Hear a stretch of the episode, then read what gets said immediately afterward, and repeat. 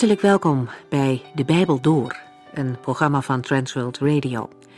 De Bijbel Door is een radioserie die u in vijf jaar meeneemt door de hele Bijbel. Van Genesis 1 tot Openbaring 22.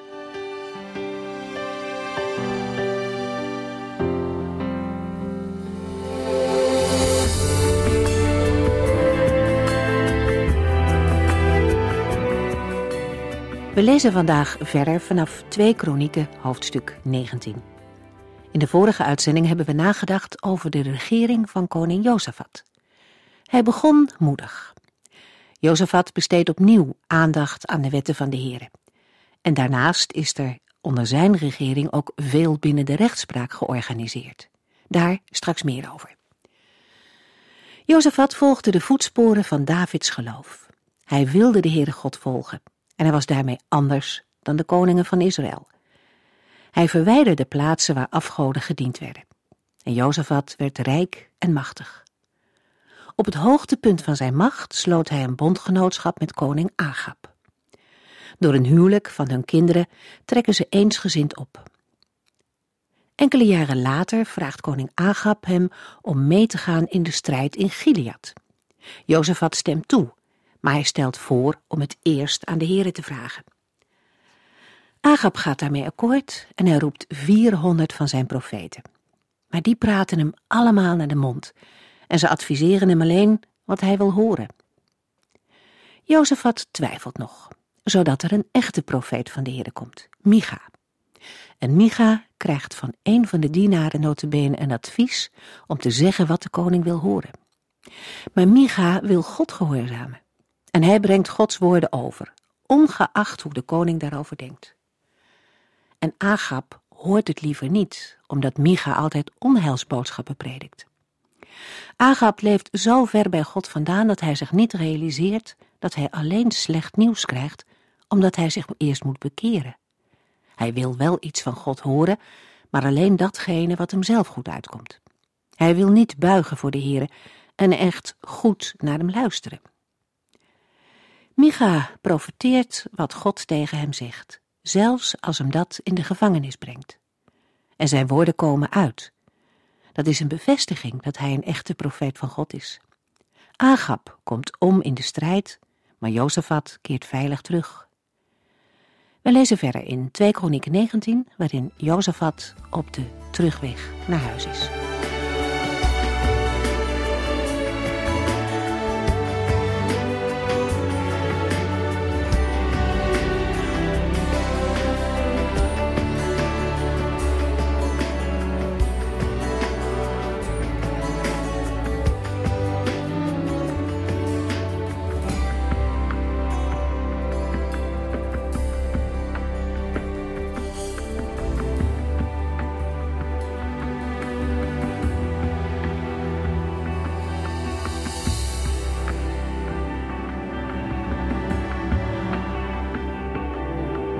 In de vorige uitzending waren we getuigen van de dood van koning Agab. Hij sneuvelde in de strijd met de koning van Syrië bij Ramoth in Gilead. Jozefat mocht behouden terugkeren naar zijn paleis in Jeruzalem. Maar voor hij daar aankomt, heeft de Heer hem nog wat te zeggen. 2 Kronieken 19 versen 1 en 2 Koning Jozefat keerde heelhuids terug naar huis waar de profeet Jehu, de zoon van Ganani, hem opwachtte. Moet u goddelozen helpen en als vriend omgaan met mensen die de Heer haten? vroeg Jehu hem. Door wat u hebt gedaan, hebt u zich Gods toorn op de hals gehaald. Verwijtend klinkt de vraag van de profeet Jehu hoe Jozefat toch een bondgenootschap heeft kunnen aangaan met een goddeloze. Over Agabs goddeloosheid heeft de schrijver van kronieken niet veel verteld. Overeenkomstig de geringe aandacht die het tienstammenrijk in kronieken krijgt. Onder andere uit 2 kronieken 21 vers 13 blijkt dat de schrijver van kronieken ervan uitgaat dat de goddeloosheid van Agab bij zijn lezers bekend is. De vraag die Jehu namens de Heer aan Jozefat stelt is duidelijk en hakt er diep in. Moet u goddelozen helpen en als vriend omgaan met mensen die de Heere haten? Door zo te handelen heeft Jozefat de toorn van de Heere over zich afgeroepen. In het Nieuwe Testament worden gelovigen opgeroepen geen ongelijk span te vormen met ongelovigen. Meer daarover is te lezen in 2 Korintiërs 6 vers 14 tot en met 7 vers 1. Het is één ding om een zondaar lief te hebben, maar het is iets heel anders om zijn of haar zonden lief te hebben. De Heere haat de zonde, maar heeft de zondaar lief. Bij deze geschiedenis kan een mens zich afvragen: waarom heeft de Heere Jehu niet gestuurd voordat Jozefat een verbond met Agab had gesloten? Met andere woorden, waarom heeft de Heer het kwaad niet voorkomen? Een vraag die wij mensen regelmatig, bij heel wat verschillende situaties, stellen. De vraag stellen heeft een dodelijk vergif in zich. Alle verantwoordelijkheid voor de gebeurtenis wordt bij de Heere neergelegd. Als de Heere het niet had laten plaatsvinden, dan was het niet gebeurd. Maar dan wordt voorbij gegaan aan de eigen verantwoordelijkheid van een mens.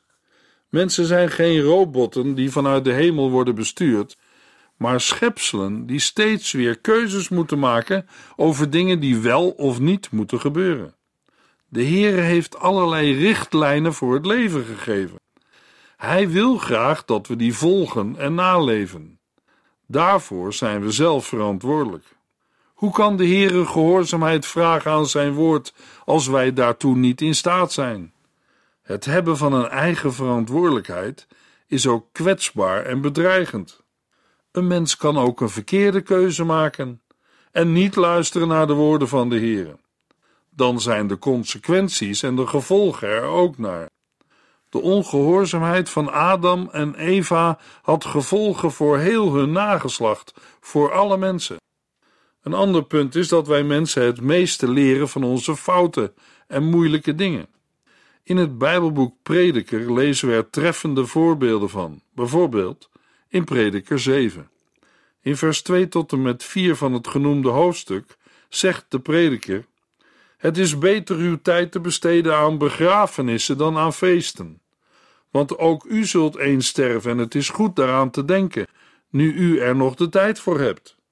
Verdriet is beter dan blijdschap, want verdriet is beter voor je ziel. Een wijs mens denkt vaak aan de dood, terwijl een dwaas zich alleen maar zorgen maakt over de vraag hoe hij op dit moment het prettigste kan doorbrengen. Bij de bespreking van het Bijbelboek Prediker gaan we dieper op deze dingen in. Nu is het genoeg om ons te realiseren dat dingen ook gebeuren omdat de Heere ons iets wil leren of afleren. Mogelijk wil de Heere door de diepte heen u terugroepen naar zijn woord en dienst. De Heere liet Jozefat deze ervaring met Agab meemaken, omdat God hem iets wilde leren. 2 Kronieken 18 en 19 maken de boodschap duidelijk. Dat Jozefat een verbintenis is aangegaan met de goddeloze koning Agab, heeft er uiteindelijk toe geleid dat hij het profetisch woord van de Heere, door Micha gesproken, naast zich heeft neergelegd. Als de Heer niet op het laatste moment toch nog had ingegrepen, was het verkeerd afgelopen. De Judeërs moeten zich niet met andere volken verbinden. Een verbond met dienaren van andere goden zal vroeg of laat tot onacceptabele compromissen leiden. 2 Kronieken 19 vers 3 Toch zijn er nog goede dingen aan u, zoals het feit dat u de schandelijke afgoden uit het land hebt verwijderd en hebt geprobeerd de Heere trouw te zijn. Ondanks de scherpe woorden blijft het profetisch oordeel over Jozefat mild van aard. Jozefat heeft immers de Asherah-beelden uit Juda verwijderd en de heidense altaren van de heuvels verwijderd. Jozefat volgde onverstoorbaar de paden van de Heere. 2 Kronieken 19 vers 4 Jozefat bleef vanaf die tijd in Jeruzalem. Hij mengde zich nu meer onder zijn eigen mensen en enige tijd later reisde hij van Persheba tot het heuvelland van Ephraim om hen aan te moedigen opnieuw de God van hun voorouders te vereren. Vers 4 zegt iets over de voorgaande verzen, maar ook over wat nu volgt. Het vers heeft dan ook een brugfunctie tussen de beide tekstgedeelten. Terugblikkend op de eerste drie versen maken de woorden duidelijk dat Jozefat zich niet meer tot allianties met het buitenland laat verleiden, althans, voorlopig niet.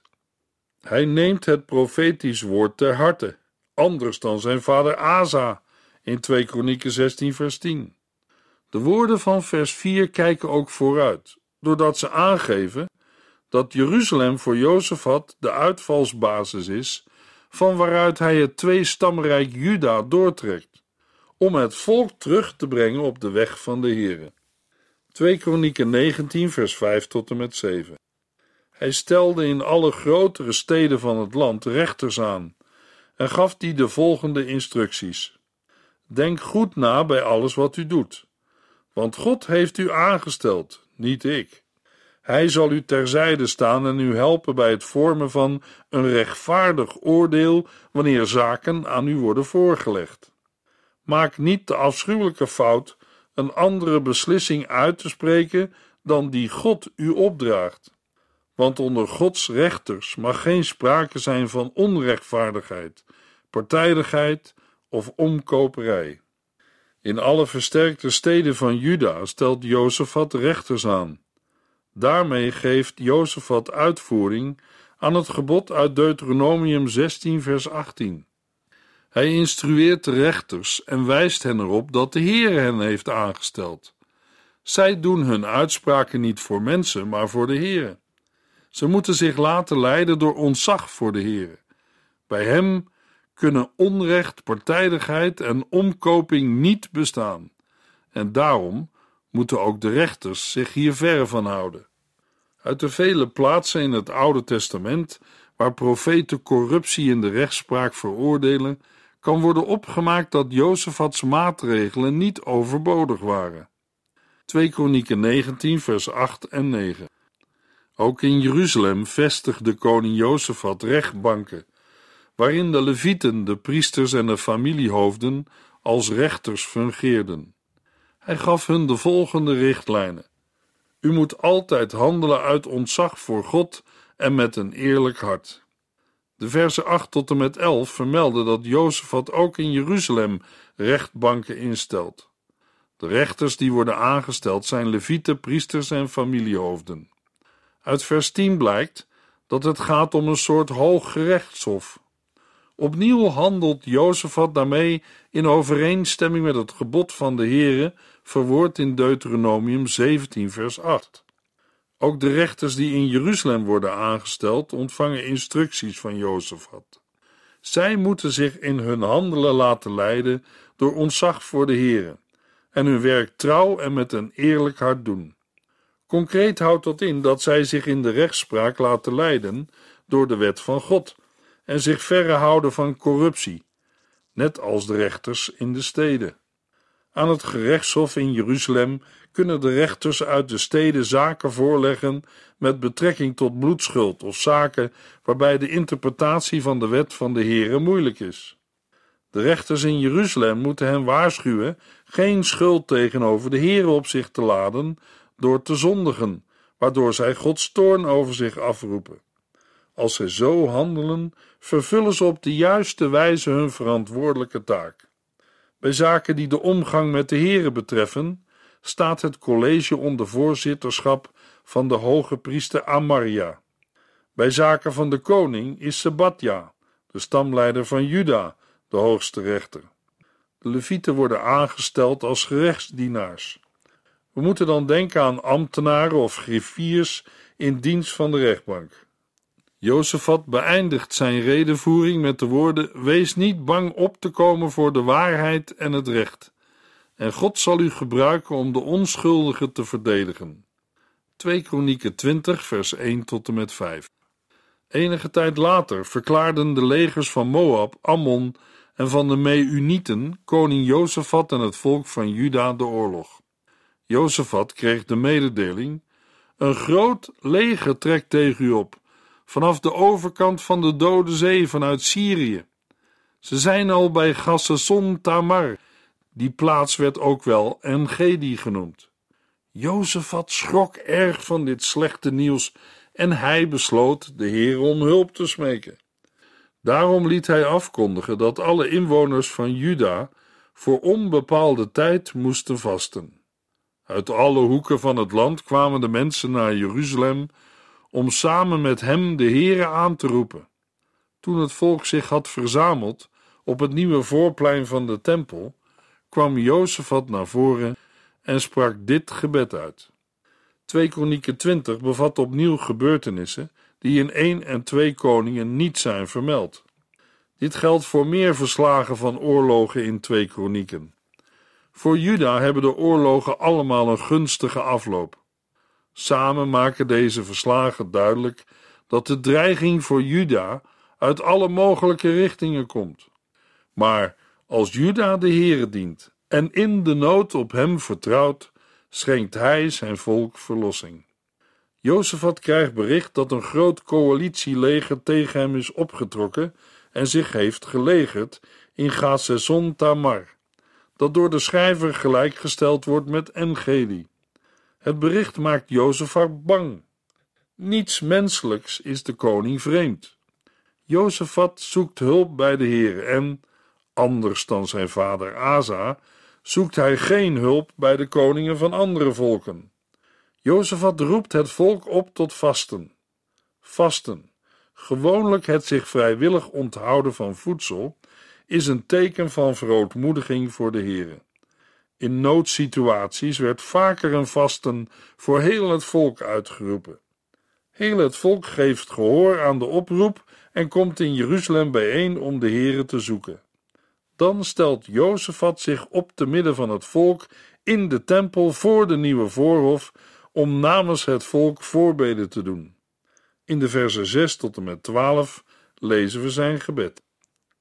2 Kronieken 20 vers 6 en 7 O Heere, God van onze voorouders, de enige God in de hemel, heerser over alle koninkrijken op aarde. U bent zo machtig en hebt zoveel kracht. Wie kan het tegen u opnemen? O onze God, hebt u de vroegere inwoners van dit land niet verdreven toen uw volk hier aankwam? En hebt u dit land niet voor altijd aan de nakomelingen van uw vriend Abraham gegeven? Jozefat verwijst naar twee momenten uit de geschiedenis van Israël: de landbelofte aan Abraham en de vervulling daarvan onder Jozua. In het licht van de vijandelijke inval is dat begrijpelijk door de inval wordt het landbezit nu bedreigd. Vervolgens refereert Jozefat aan de bouw van de tempel en het gebed dat Salomo bij de inwijding van de tempel bad. Als het zwaard, oordeel, pest of honger het volk zou treffen, dan zal het volk zich bij de tempel verzamelen en de hulp van de Heere inroepen, die hen dan ook te hulp zal komen. Welnu, Israël verkeert in nood. Vijanden zijn tegen Israël opgetrokken, notabene die vijanden die de Israëlieten op bevel van de Heere ongemoeid moesten laten toen ze naar het beloofde land trokken. De genoemde volken willen het land innemen dat de Heere zijn volk heeft gegeven. Jozef had vraagt de Heere dan ook om recht te spreken. Zelf is Juda niet bij macht om het tegen dit grote leger op te nemen. Wij weten niet wat wij moeten doen, maar onze ogen zijn op u gericht. Jozefat legt de hele situatie in gebed aan de Heere voor en besluit zijn gebed met de woorden van 2 Kronieken 20 vers 12. O onze God, wilt u hen veroordelen? Wij hebben immers niet de kracht het tegen dit grote leger op te nemen.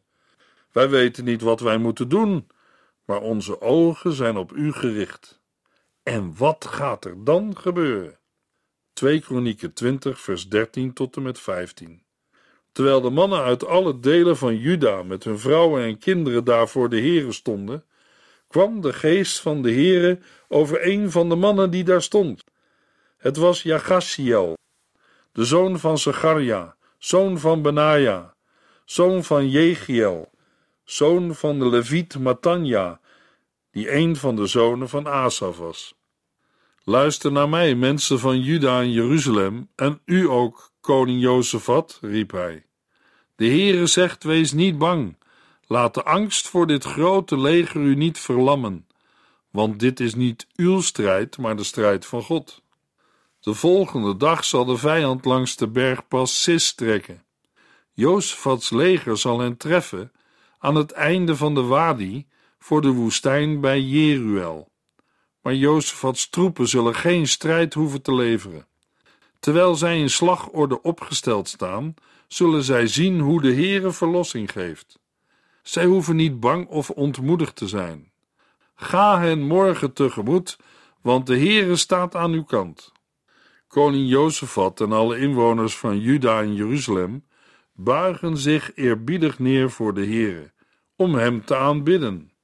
De Kehatieten en de Korachieten, de Levitische tempelzangers, loven de Heere uit volle borst. 2 Kronieken 20 vers 20 tot en met 22 De volgende morgen trok het leger van Juda naar de woestijn van Tekoa. Onderweg liet Jozefat halt houden en hij vroeg ieders aandacht. Luister naar mij, inwoners van Juda en Jeruzalem, zei hij. Geloof in de Heere uw God, dan zult u slagen. Geloof zijn profeten en alles zal goed komen. Na overleg met de leiders van het volk besloot hij dat een koor voor het leger uit moest lopen om Gods majesteit te prijzen en het lied te zingen: Loof de Heere, want zijn goedheid en liefde duurt tot in eeuwigheid. En op hetzelfde moment dat zij begonnen met zingen en loven, zorgde de Heere ervoor dat de legers van Ammon, Moab en het gebergte van Seir het met elkaar aan de stok kregen. En waar liep het op uit? De Heere gaf Jozefat en Juda de overwinning. Ze keken alleen toe. 2 Kronieken 20, vers 26 tot en met 30. Op de vierde dag verzamelden zij zich in het dal van de lofprijzing, zoals het ook nu nog heet, en prezen daar de Heere.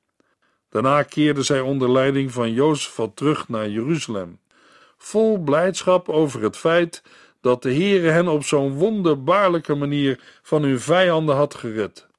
Onder begeleiding van harpen, citers en trompetten trokken zij Jeruzalem binnen en gingen naar de tempel. En de omringende koninkrijken werden bang voor God toen zij hoorden dat de Heer in eigen persoon de strijd had aangebonden met de vijanden van Israël. En daarom werd Jozefats koninkrijk met rust gelaten, want zijn God gaf hem rust. De gebeurtenissen in 2 Kronieken 20 benadrukken de centrale plaats van de tempel en de tempeldienst. De Israëlieten verkeren in nood, maar de Heere schenkt uitredding als het volk zich verootmoedigt in zijn tempel. De Heere voert de strijd voor zijn volk. Het enige dat van Israël wordt gevraagd, is vertrouwen op Gods woord. Voor de Israëlieten, die na de ballingschap waren teruggekeerd naar Juda en omringd werden door volken die vele malen sterker waren, moet dit een grote bemoediging zijn geweest en tegelijkertijd een aansporing de dienst aan de Heere in de tempel in ere te houden. De laatste verzen van 2 Kronieken 20 zijn grotendeels ontleend aan 1 Koningen 22 vers 41 tot en met 51. In de context van 1 en 2 Koningen zijn de verzen het enige dat over de regering van Jozefat wordt gezegd. In 2 Kronieken 20 vormen ze een afsluitende en samenvattende terugblik op de regering van Jozefat. In vers 31 wordt Jozefat opnieuw geïntroduceerd als koning van Juda. Hij was 35 jaar oud toen hij koning werd en regeerde 25 jaar vanuit Jeruzalem. Zijn moeder heette Azuba en was de dochter van Silgi. Jozefats regering wordt getypeerd als voortzetting van het beleid van zijn vader Asa. Het is een positieve typering. Hij gehoorzaamde de geboden van de God van zijn vader. Maar de offerhoogten verdwenen niet, en het volk was ook nog niet met heel hun hart op de Heere gericht. Ten slotte volgt in vers 34 nog een verwijzing naar het boek van Jehu, de zoon van Ganani, dat deel uitmaakt van het boek van de koningen van Israël en waarin meer over de geschiedenis van Jozefat is beschreven. Net als in 1 Koningen 22 volgt in vers 35 een soort naschrift met de vermelding van een bondgenootschap tussen koning Jozefat en koning Agasja van het Tienstammenrijk. Agasja wordt hier nadrukkelijk als goddeloos getypeerd. Jozefat sloot met hem een overeenkomst om in het Edomitische Esjon Geber een vloot te bouwen om handel te drijven met Tarsus. Maar Eliezer, de zoon van Dodawahu uit Mareza, profeteert tegen Jozefat. Namens God zegt hij dat de Heere de operatie zal doen mislukken, omdat Jozefat zich met Agasja heeft verbonden. De profetie van Eliezer komt uit. De schepen lijden schipbreuk, zodat de missie naar Tarsis mislukt. Ten slotte wordt de dood en begrafenis van Jozefat vermeld. Hij wordt opgevolgd door zijn zoon Joram. 2 Kronieken 21 vers 1 tot en met 7 Jozefat werd na zijn dood begraven op de koninklijke begraafplaats in Jeruzalem en zijn zoon Joram werd de nieuwe koning van Juda.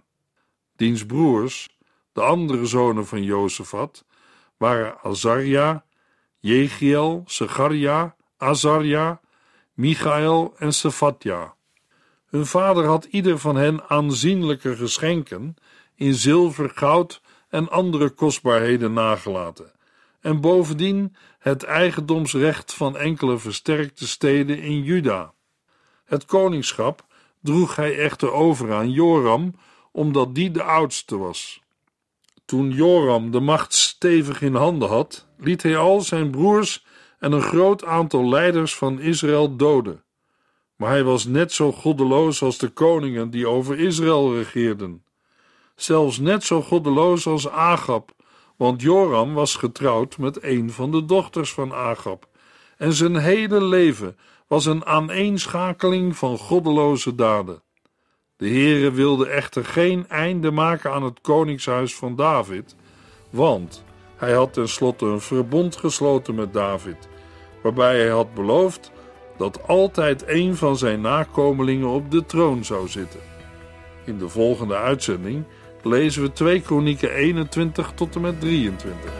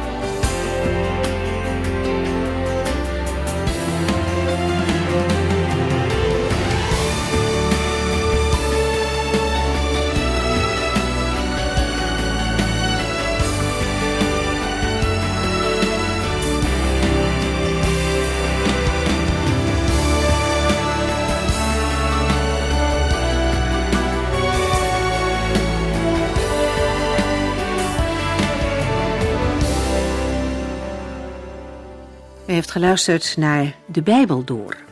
In het Nederlands vertaald en bewerkt door Transworld Radio. Een programma waarin we in vijf jaar tijd de hele Bijbel doorgaan. Als u wilt reageren op deze uitzending of u heeft vragen, dan kunt u contact met ons opnemen.